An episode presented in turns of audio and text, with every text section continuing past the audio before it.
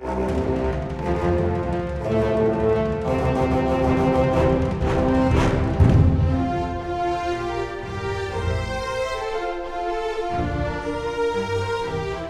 til Frankrike forklart, en podkast der du får svar på alt du lurer på om Frankrike. Mitt navn er Frank Orban. Og mitt navn er Geir Uvsløk. I dagens Frankrike forklart skal vi snakke om metoo-bevegelsen i Frankrike, men også om de feministiske tradisjonene den bygger på og viderefører. Kan vi historisk sett snakke om en fransk feminisme? Hva kjennetegner den? Hvordan ser den ut i dag? Og hvilken rolle har metoo spilt i Frankrike? Dette er spørsmål vi drøfter sammen med ukens gjest Kristin Skare Orgeré. Velkommen. Tusen takk for det.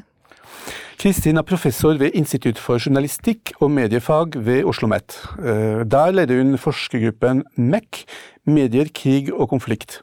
Hun forsker og underviser innenfor felt som journalistikk, makt- og demokratiseringsprosesser, og medier og kjønn, både i Norge og internasjonalt. Kristin tilbringer under vanlige omstendigheter mye tid i Frankrike og følger fransk politikk og samfunnsliv nært. Kristin, Frankrike har opp gjennom 1900-tallet, og også før det, hatt noen av verdens fremste feministiske tenkere. Blant de mest kjente er kanskje Simone de Beauvoir, som utga Det annet kjønn, Le deuxième sex, i 1949. Kan du si litt om hva hennes feminisme gikk ut på? Hva var nyskapende med den? Ja, det kan jeg, og det er en stor glede, for eh, Simone de Beauvoir er faktisk en av mine absolutt favorittfilosofer noensinne. Og det andre kjønn har, som du sier, vært uh, veldig viktig og uhyre definerende. Uh, og regnes fremdeles i dag, nå over 70 år senere, som en av de aller viktigste feministiske tekstene. Og den er oversatt til over 50 språk. Og det er nesten vanskelig å ta helt inn over seg hvor mye sprengkraft denne boka hadde da den kom. Eh, så det dreier seg om en bok på over 1000 sider, i to bind, eh, som utvikler da en moderne kjønnsteori med røtter eh, fortrinnsvis i eksistensialismen. Så det er kanskje ikke egentlig det mest sånn tilgjengelige man kan tenke seg, og allikevel så fikk den umiddelbart en kjempesuksess. Den solgte i over 22 000 eksemplarer på en uke. Og så blir den bannlyst av paven, og det gjorde den jo heller ikke noe mindre interessant. Det Simone de Beauvoir gjør i Det annet kjønn, er at hun går eh, sånn svært kategorisk historisk til verks, og stiller det enkle, men allikevel helt revolusjonerende spørsmålet Hvorfor er det sånn at det er kvinnen som er annerledes enn mannen? Hvorfor er kvinnen det annet kjønn, og ikke motsatt? Um, og så ser hun da um, inngående på hvordan kjønn i stor grad er kulturelt konstruert. Begge kjønn, mener hun, er født med den samme eksistensialistiske, eksistensielle friheten, men det ene kjønnet har altså ikke den samme konkrete muligheten til å leve sitt liv. Det som også er interessant med henne, er at hun, i tillegg til å være sterk motstander av at det biologiske kjønnet skulle definere menneskets skjebne, så er hun også veldig opptatt av at ved det at kvinnen frigjør seg, så blir også mannen fri. Så det er ofte det vi kaller for en likhetsfeminisme, eh, som da vil hevde at det patriarkalske systemet virker undertrykkende for alle. Og, og denne boken er jo også altså den er imponerende, syns jeg, både ved at den er nyskapende, men også uh, særlig altså, i første bind så har du jo uh, en biologisk, historisk, psykologisk gjennomgang av kjønn som er helt imponerende, med et kildetilfang som uh, så, det er virkelig et imponerende verk, også fra et historisk perspektiv. Og, og tar det derfra. ja. ja. Jeg tenker at Moderne forskning viser også at uh, nettopp i de landene hvor uh, kvinner og menn er likestilt, så får du en mye sterkere økonomisk fremgang enn i andre land som ikke har den samme grad av likestilling mellom kjønn. Mm. Så det, dette er også Det slår empirisk, ut på mange områder, det det. definitivt. Det på, på 1960- og 1970-tallet, særlig etter mai 68, fikk den franske kvinnebevegelsen flere nye aktører. Eh, I 1970 oppsto Le Mouvement de Libération des Femmes, des femmes altså MLF, kvinnefrigjøringsbevegelsen. Uh, Antoinette Fouque uh, grunnla, uh, forlagshuset Les Editions des Femmes i 1972. hvis du ser på den perioden, hva kan du si om feminismen i Frankrike etter Simone de Beauvoir og fra begynnelsen av 70-tallet eh, opp mot, mot 80-tallet? Ja, Kvinnebevegelsen var åpenbart en veldig viktig del i det som da ledet fram til den såkalte 68-revolusjonen. Og her handlet det jo da i stor grad om å bryte ned grensene mellom det private og det offentlige. Eh, og det slagordet 'det private er politisk' ble jo veldig populært og spredte seg eh, i mange land. Eh, kampen mot da det patriarkalske samfunnet, og ikke minst etter hvert, og særlig på politiske plan, så ble det viktig å diskutere eierskap eierskap til og kontroll over egen kropp. Så svært mye av den politiske kampen som vi ser i disse tiårene, er jo knyttet til nettopp retten å bestemme over egen kropp, og da spesielt i eh, det veldig brennbare spørsmålet om selvbestemt abort. Det holder å lytte til det kvinnene sier, sa Simon Wey, som er en viktig eh, aktør her, eh, til en opprørt nasjonalsamling i, i 1974. Og det var det vel, ja, året før um, da abortloven ble vedtatt i Frankrike. Som nesten utelukkende består av menn? Ja, ikke sant? Mm. Og det er ikke rart den var opprørt.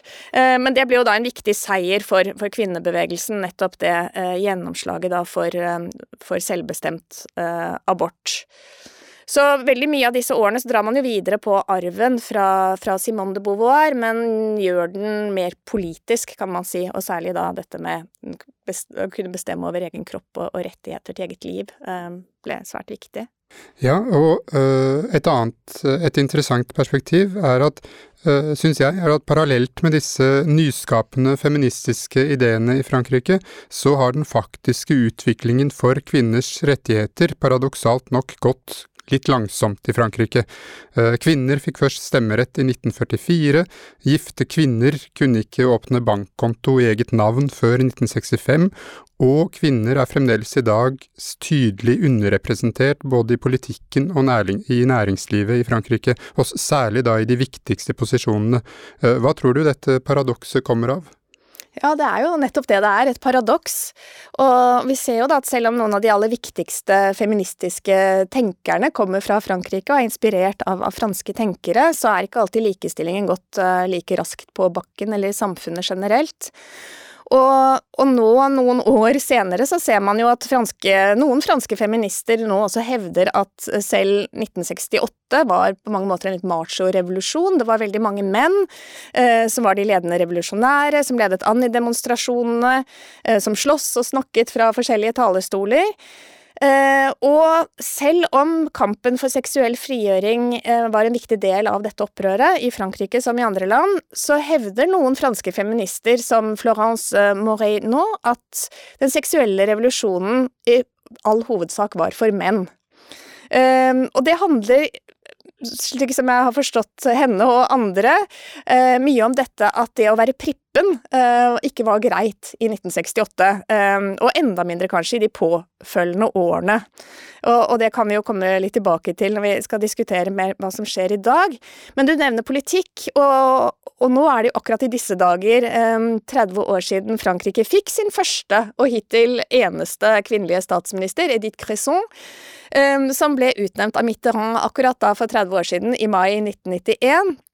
Ehm, nå er det kanskje ikke så mange som synes at hun gjorde en aldeles glitrende jobb i den statsministerposten i det knappe året hun fikk sitte, men eh, hvis man ser på hvordan hun ble behandlet, så eh, sto hun var utsatt for et uhyre press, og først og fremst på grunn av sitt kjønn. Eh, altså hvilke sexistiske og i dag det vi sannsynligvis ville kalt svært trakasserende kommentarer som hun måtte finne seg i, ikke bare fra pressen eh, og det offentlige liv, men også av sine nærmeste kollegaer, er ganske opprørende. Eh, og sjokkerende. Og så er hun da fremdeles den eneste kvinnen som har hatt den posisjonen i, i Frankrike.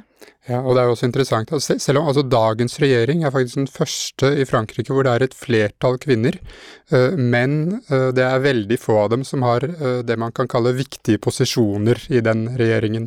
Og fremdeles i dag i nasjonalforsamling så kan man se kvinner på talerstolen som får en del kommentarer som ikke hører hjemme i en nasjonalforsamling. Men samtidig så har det blitt bedre, ikke sant. Altså, du har fått, Interessant nok så var det Sarkozy som innførte en større grad av likestilling mellom menn og kvinner. Både i regjeringen og i nasjonalforsamlingen så har andel kvinner økt for å nærme seg nesten 50% Vi er på, jeg tror vi ligger på 44 eh, pluss-minus. Eh, Du, snak, du snakket om tidlig på 90-tallet, men vi husker vel presidentvalgkampen i 2007 med Ségolène Royal, og hvordan hun ble også utsatt for en rekke macho-kommentarer fra altså partifeller. Definitivt, og ikke minst også hvordan det var bilder, bikinibilder og i alle mulige, ikke bare i de verste sladrebladene, men på veldig mange arenaer. Så at, tilbake til Simone de Beauvoir, at uh, kvinnen er, blir nærmest fengslet i sitt eget kropp, altså den kroppsliggjøringen av det kvinnelige, var det noen veldig tydelige eksempler på, på der i det politiske liv. Og nå er det jo sånn at det er flere kvinnelige ministre enn noen gang, men Eh, mange husker jo også hvordan eh, president Macron uttalte i 2017 under president kampanjen at han gjerne ville ha en kvinnelig statsminister, og det er jo mange ja, som av, venter på henne fremdeles. Uh, og han hadde jo en mulighet da han byttet ut uh, Edvard Philippe, men da ble det som kjent også nok en mann, Jean Castex.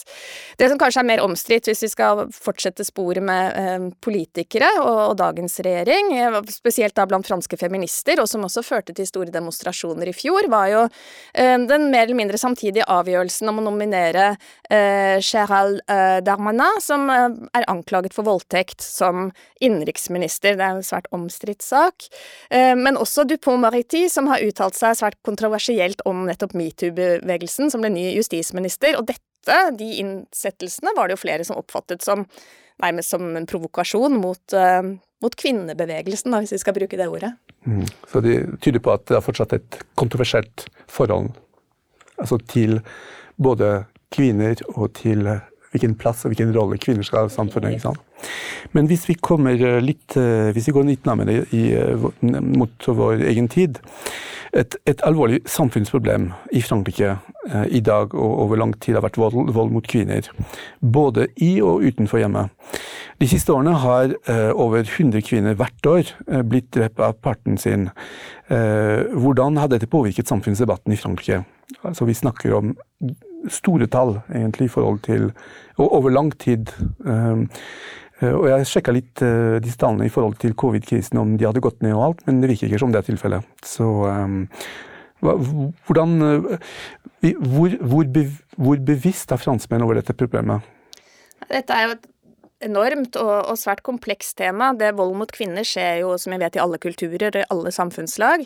Um, men problemet er jo oftere uh, større i samfunn eller grupper av samfunn der den ene parten i et forhold ikke er likestilt med den andre, og da er det jo også vanskeligere å slippe unna. Uh, og vi vet jo at det aller, aller meste av vold skjer i nære relasjoner. Og Frankrike er, som du sier, Frank, et av de verste landene i Vest-Europa når det gjelder både partnervold og partnerdrap. Eh, de tallene jeg så, var at det var hele 149 kvinner som ble drept eh, av partneren sin i 2019. Og som du sier, så kommer det stadig nye urovekkende tall nå under covid-19, og det kan jo skyldes at eh, vold i nære relasjoner kanskje kan bli verre grunnet aggresjon, frustrasjon og håpløshet, men aller mest sannsynligvis fordi at det blir vanskeligere å unnslippe, bokstavelig talt, når man er uh, i Det er portforbud og man ikke kan gå ut, og vanlige rom og møteplasser da er stengt. Men du sa et av de verste landene i Europa. Hva er det som gjør Frankrike så, så spesielt i forhold til andre land? Det er vanskelig å si, eh, men det er klart at eh, det er noen som trekker tråder med at det er et samfunn hvor det har vært en viss aksept for vold. altså Man skal ikke så fryktelig langt tilbake i tid, så så man at det var ganske vanlig å klapse til, i hvert fall barn eh, som i hvert fall nordeuropeere, skandinaver, ofte ble sjokkert over. Ehm, hvor man kunne si at det var kommet litt kortere, da. Det var sånn det kanskje var mer vanlig å, behandle barn her for noen generasjoner siden. Ehm, så det er jo noe med aksept for toleranse for, for vold, jo, kan jo være én eh, mulig forklaring. Eh, men det vi ser, er at det i hvert fall er blitt en mye større bevissthet rundt dette problemet, og hvor komplekst det er, um, i det offentlige rom. Og vi ser jo nå økende grad av demonstrasjoner mot vold mot kvinner. Det er denne dagen, internasjonale dagen, i noen land er det en uke, i noen land er det en dag, eh, som setter fokus på det, sånn i desember eh, hvert år. Eh, og nå har vi jo også da i Frankrike fra politisk hold blitt vedtatt en lov mot vold i hjemmet, eh, og som skal gjøre det lettere for blant annet helsepersonell og leger å se bort fra taushetsplikten sin hvis de mener det er noen graverende tegn til at man bør melde fra eh, ved mistanke om, om vold. En enkel sånn årsak-effekt-forklaring er det neppe, men jeg tror nok at litt det vi har snakket om tidligere, at jo mer likestilte samfunn er, jo mindre aksept er det for eh, alle typer overgrep, altså da blir det mindre asymmetriske relasjoner. Og kan tenke seg at hvis man er økonomisk avhengig av noen, så er det også vanskeligere å si fra, kanskje vanskeligere også å reagere. Så, så det er veldig mange eh, ting man kan jobbe med for å motvirke dette. Men som sagt, dette er et stort problem i, i store deler av verden. I de aller, aller fleste land så finner man at det er vold mot kvinner i nære relasjoner. Og mer generelt så uh, gjorde Emmanuel Macron i 2017 så gjorde han likhet mellom kvinner og menn til la grande cause du quinquennat, presidentperiodens store sak. Og i fjor så var det en franskstudent ved Universitetet i Oslo som het Malin Hansen, heter Malin Hansen, som leverte en masteroppgave om dette temaet, og uh, hun kom fram til at selv om det er blitt gjennomført viktige reformer for å styrke likestillingen i det franske samfunnet de siste årene, så har det skjedd lite konkret når det kommer til likestilling i arbeidslivet. Og har du noen tanker om den uh, offentlige likestillingspolitikken i Frankrike i dag? Ja, først og fremst må jeg si at det er en utrolig interessant masteroppgave, den du refererer til. Uh, og jeg tror vi kommer jo stadig tilbake til dette at det er inspirerende med filosofer og viktig med en offentlig likestillingspolitikk, men det er jo i det daglige liv, det daglige arbeidsliv, i det daglige politiske liv at normer endres og holdninger skapes. Eh, og da må det skje en bevisstgjøring for å oppnå reell likestilling, og det er seig materie, det vet vi. Eh, normendring tar tid. Um, men noe av det som eh, metoo-bevegelsen har handlet om, er jo å løfte fokus fra det individuelle nivået opp til et strukturelt nivå. At også da arbeidsgivere, det er arbeidsgiveres plikt til å sørge for at ikke seksuell trakassering skjer på deres arbeidsplass. Eh, så her skjer det jo endringer, og også holdningsendringer. En ting er at man kan ha hatt eh, fine planer og regler eh, og holdningsplaner liggende i en skuff, men jeg tror det som skjer nå i stor grad, er at man føler et press, blir tvunget til å ta opp disse reglene og lovene og tørke litt støv av dem og se hvordan kan vi bruke dem i det daglige liv på vår spesifikke arbeidsplass eller i samfunnet generelt. Men er det ikke paradoksalt at det som burde egentlig vært, være en samfunnsbevegelse uh, i et land som Frankrike, styres gjennom lovvedtak og debatt om kvotering? Uh, det, det, det, betyr at uh, hvis ikke det politiske går inn og styrer direkte, så virker ikke samfunnet i stand til å foreta disse endringene selv. Det, og jeg tror ikke at eh, endringer vil skje bare ved at det blir bestemt politisk at de endringene skal skje. Det må komme fra flere hold, og der tror jeg den bevisstgjøringen og den normendringen må skje på mange nivåer samtidig. Men det er klart det sender jo noen viktige signaler eh, politisk at man vedtar slike lover. Samtidig kan jo noen påstå at det vil være minst like viktige signaler hvilket kjønn man ansetter eh, i viktige stillinger og posisjoner, og, og, som vi var litt inne på at politisk også i Frankrike er lett å se at tradisjonelt så har kvinner fått de såkalte myke postene innenfor politikken. Så tror jeg vi ser at likestilling ofte får det som den norske maktutredningen for 20 år siden kalte vikeplikt. At man kan godt ha disse lovene og disse ambisjonene om å bli bedre, Uh, og at mange etter hvert er enige om at likhet mellom menn og kvinner er viktig, men så dukker det alltid opp noe som er enda litt viktigere. Det kan være en økonomisk krise, det kan være covid, det kan være det aller meste. Uh, og så blir likestilling satt i annen rekke. Terrorisme Vi kan tenke på mange ting som, som dukker opp. Uh, og det kan jo tyde på da at selv om reformer gjennomføres, så møter likestillingen i Frankrike stadig vekk da en sånn vikeplikt eh, og, og, bli satt til side, og det er alltid andre ting som, som må komme først. Er det, er det, et fenomen som merker et skille mellom Nord- og Sør-Europa f.eks., eller er det noen som er sært for Frankrike? Nei, jeg tror dette er noe vi finner mange steder. Eh, og som sagt, den norske maktutredningen fant jo dette for 20 år siden, at det også fins eh, i Norge. At man ja, har kommet lenger, kan man si, på, i likestilling, men eh, det er jo en god del ting som gjenstår her også. At veldig ofte så skal det snart skje, man må bare få orden på de andre tingene først. Eh, så det tror jeg ikke er noe forskjell. Det som kanskje er forskjellen på Nord- og Sør-Europa, er at i Nord-Europa har man i hvert fall tydelige ambisjoner om at man gjerne vil være likestilt, og at eh, det nærmest er tabubelagt å si at man ikke ønsker seg likestilling. Det er kanskje enklere i land lenger sør. I mange engelskspråklige medier kan man ofte lese at metoo-bevegelsen kom sent i gang i Frankrike. Stemmer dette, eller har den bare hatt et annerledes uttrykk? I 2017 lanserte f.eks. journalisten Sandra Muller hashtaggen 'balance ton port', Annie Svine. Kan du si litt om hva slags uttrykk metoo-bevegelsen har fått i Frankrike de senere årene? Ja, den kom definitivt sent i gang, eller det vil si Først så kom den i gang, men så fikk den eh, nærmest en bråstopp. De tidligere forsøkene, som eh, Balance Tompour, eh, som du er inne på, angi svinene, resulterte jo i første omgang i relativt store demonstrasjoner i Paris og en rekke andre byer, som demonstrerte da mot vold og overgrep mot kvinner.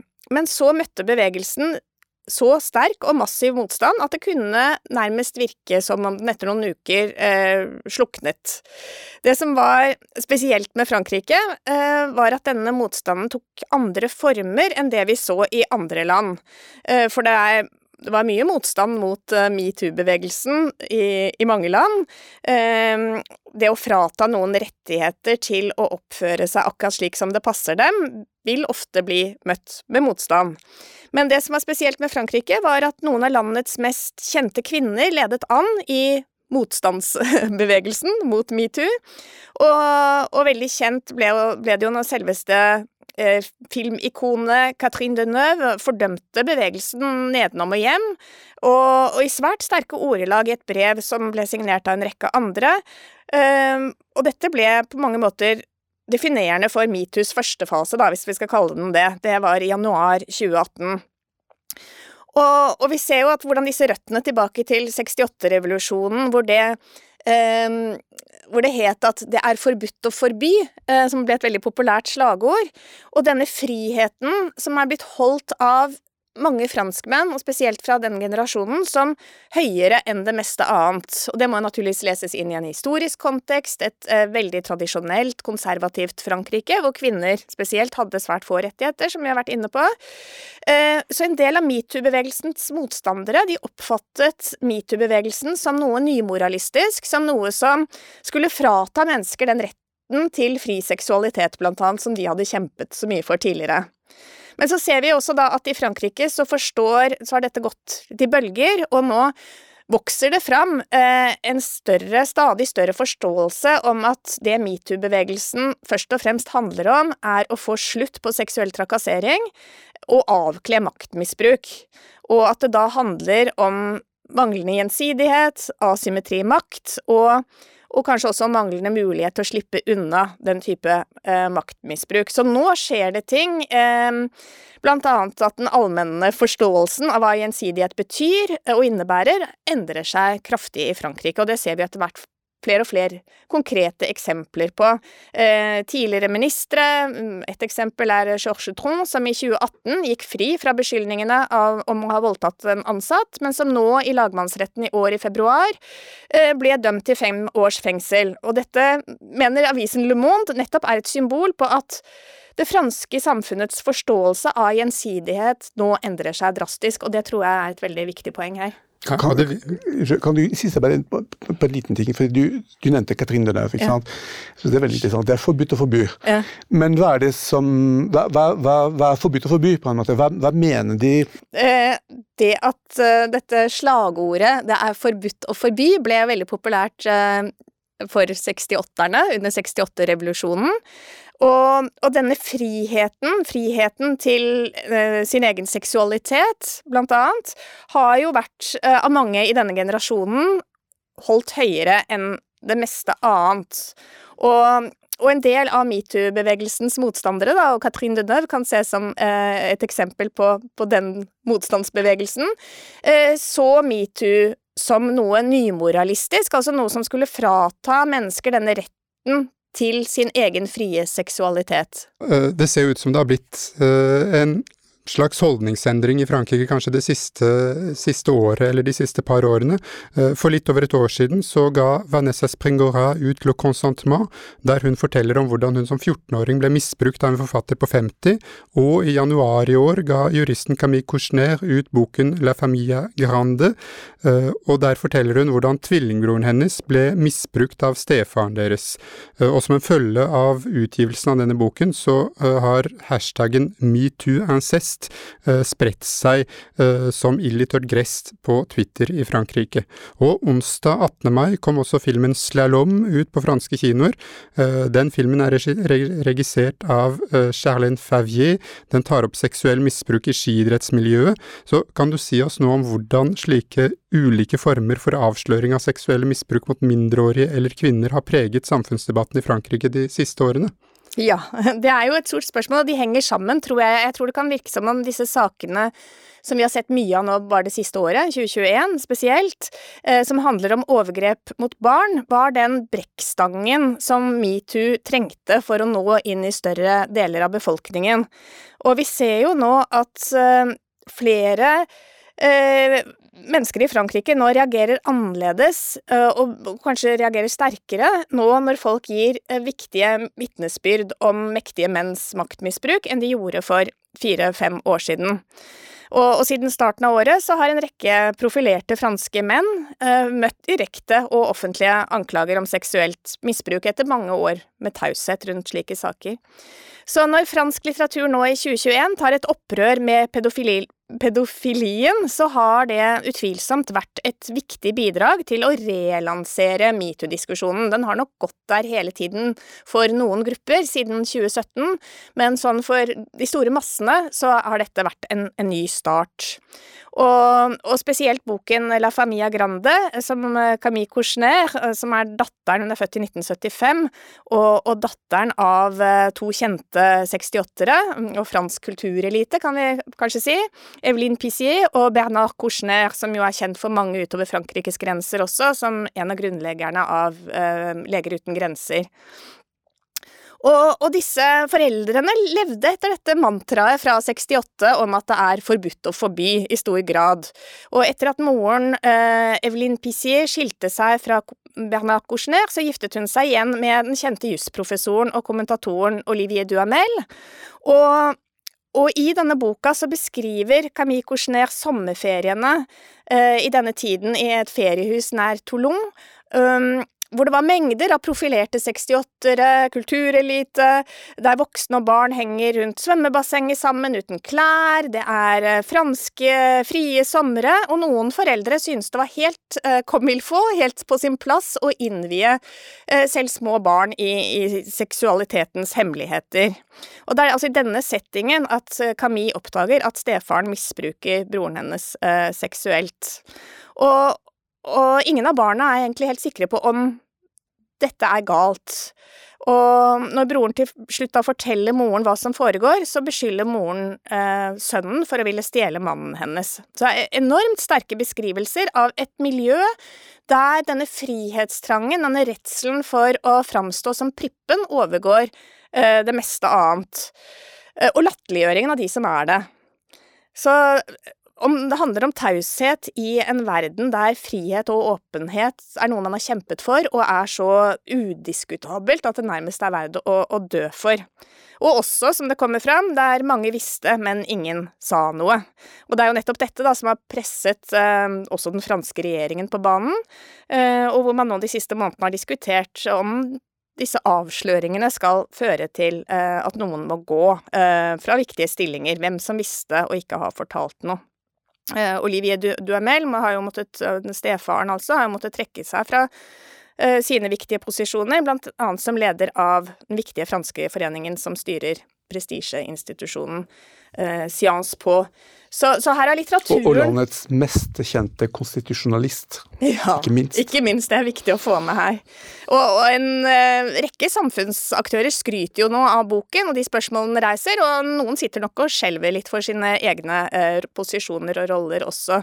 Samtidig så har den vært med på eh, å skape en, en, stemning for at den franske lovgivende makt nå skynder seg å sette 15 år som, som grense for seksuell lavalder, bare tre år etter at de i det hele tatt forkastet Eller at de forkastet forslaget om, om en slik lov.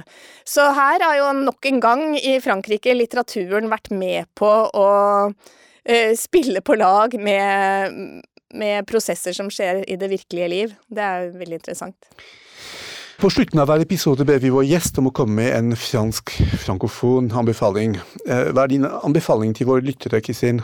Ja, jeg må jo nesten eh, anbefale denne boka til Camille Couchner, det er La Familia Grande. Den kommer eh, på norsk, vet jeg, i august. Skal hete Den store familien. Og, og, det som jeg har lyst til å legge til om den, er jo at mer enn bare å bare å avsløre disse grusomhetene og, og tilby en rekke skandalehistorier, så er den veldig sterk i å vise eh, den kraften som fins når man klarer å sette ord på noe man har tvunget til å være taus om veldig lenge. Eh, så den kommer altså snart på norsk. Men så må jeg få lov å legge til eh, en annen favoritt, eh, og det er eh, Jeg syns alle bør i hvert fall innimellom lese noen av de mest romantiske diktene som jeg vet om, som er Paul Eluards kjærlighetsdikt, og noen av de er jo også oversatt, um, eller gjendiktet, til norsk av Kjell Heggelund. Og det har jeg lyst til å framheve for å også understreke at metoo-bevegelsen ikke handler om å fjerne romantikk, erotikk eller seksuell frihet for den saks skyld, men at det handler om at eh, seksualitet skal være selvvalgt og gjensidig, fordi det er først da den blir virkelig fri. Geir, har du også en anbefaling? Ja, det har jeg, Frank. Eh, jeg vil anbefale masteroppgaven som jeg nevnte i stad, Malin Hansens La grande cause du quinquennat, une analyse critique de la politique de l'égalité homme-femme d'Emmanuel Macron. Den er tilgjengelig på Universitetet i Oslo, Oslo, sine nettsider. Eh, den er velskrevet og lettlest. Den inneholder en historisk del om feminismen i Frankrike, og ikke minst en veldig god gjennomgang av det som mange kaller den fjerde feministbølgen i Frankrike, altså den franske feminismen i dag. Men hva er veilederen? Eh, det var Kjerstin Aukrust som var hennes veileder. Uh, og jeg satt i bedømmelseskomiteen. Uh, det var en flott opplevelse. Så jeg skal også hilse fra Kjerstin, som anbefaler podkasten Question politique fra France Inter. hver uke så intervjues der en dagsaktuell politiker i én time av flere av Frankrikes beste politiske journalister. Fint. Men da gjenstår det bare å takke vår gjest Kristin Skar Orgeret. Så høres vi igjen i neste episode av Frankrike forklart. Au revoir. Frankrike forklart er et samarbeid mellom Universitetet i Oslo og Høgskolen i Østfold. Podkasten er støttet av Det norske universitetssenteret i Paris og Institut Francais i Oslo og har full redaksjonell frihet. Abonner på Frankrike forklart på iTunes, Spotify eller på andre plattformer der du lytter til podkast. Har du kommentarer til oss eller forslag til temaer vi bør ta opp, kan du sende inn det via vår Facebook-side Frankrike forklart. Her vil du også finne referansene som nevnes i dagens episode.